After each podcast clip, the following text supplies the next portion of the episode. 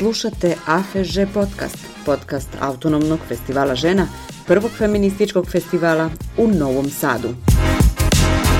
Ovo je AFŽ dan. Peti. Jak film, Kvo vadi za Ida. Karte viška su se tražile, ali imamo još jedan termin za njega. Govorni program Radna žena 24-7 i koncert Femikseta 10 i bendovi Tri kapljice i Manivi. A sve vreme festivala dostupna je VR simulacija nasilja i bazar. O njemu još nismo pričali u ovom podcastu, ali evo je – Ilijana Berber. Ženski bazar je deo autonomnog festivala žena od početka, ali ove godine e, u nekom malo većem i drugačijem formatu. Ove godine se e, za ženski bazar prijavio rekordan broj e, učesnica i kreativki i dizajnerke, njih 37 se prijavilo. Zašto ga spominjemo? Zašto je važan? Naša zamisao je zapravo bila da pozovemo žene da jedna druge pruže podršku, da ih nekako usmerimo jedne na drugu, da razmene neka svoje iskustva, da razmenjuju zašto da ne i popričaju o tome kakvi su problemi koji ih muče sve zajedno. Prosto smo želeli nekako da ih umrežimo, da se upoznaju. Govorni program i danas je prisutan. Dobrodošli na treći dan našeg teorijskog dijela AFŽ festivala. Sa nama su danas dvije sjajne drugarice, jedne fantastične žene koje obe su zaposlene na Institutu za književnost i umetnost u Beogradu i bave se sjajnim stvarima, uglavnom vezano za književnost, jedne briljantne teoretičarke, naravno iz feminističke perspektive. Žarka Svirčev će govoriti na temu ženski rad i produkcije jugoslovenske avangarde.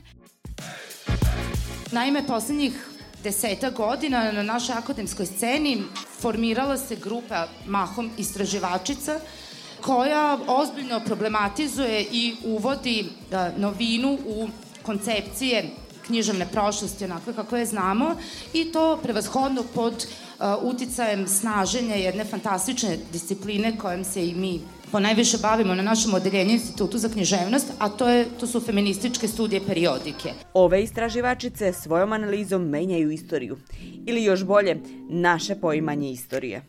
Počela da se pomalja jedna nova i drugačija slika avangarde, avangardne književnosti u kojoj žene zauzimaju različite pozicije, različite autorske pozicije. Dakle, one i pišu avangardu, pišu uh, avangardnu poeziju, prozu, uh, književno-kritičke i eseističke tekstove. I još jedna važna informacija koju smo dobili od Žarke. Ženska perspektiva, to je postalo jasno svim istraživačicama i istraživačima međuratnog perioda, je definitivno važan element jugoslovenske avangarde i ta istraživanja iz a, feminističke perspektive su naprosto srušile jedan od ključnih mitova o avangardi a to je da je ona ekskluzivno muški, maskulinistički umetnički projekat.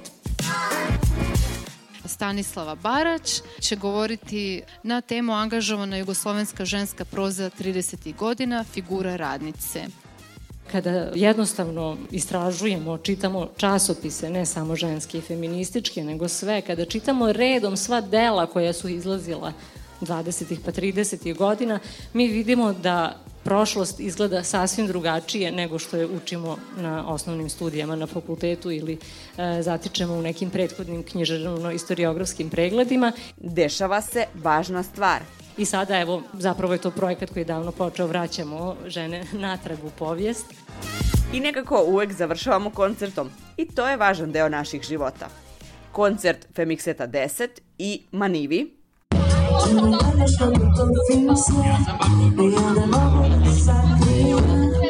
Kako vozim kada dodir naše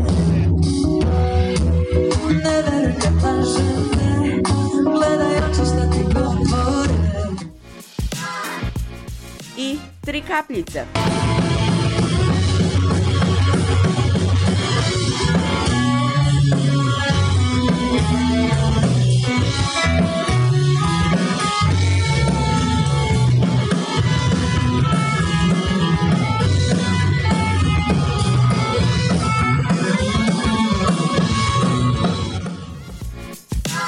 I eto, prođe i peti dan. Autonomni festival žena AFŽ je lokalno utvrđivanje snaga protiv nasilja prema ženama i decom i nasilja uopšte. AFŽ je prvi feministički festival u Novom Sadu. Podcast AFŽ-a prati festival i donosi vam priče sa njega.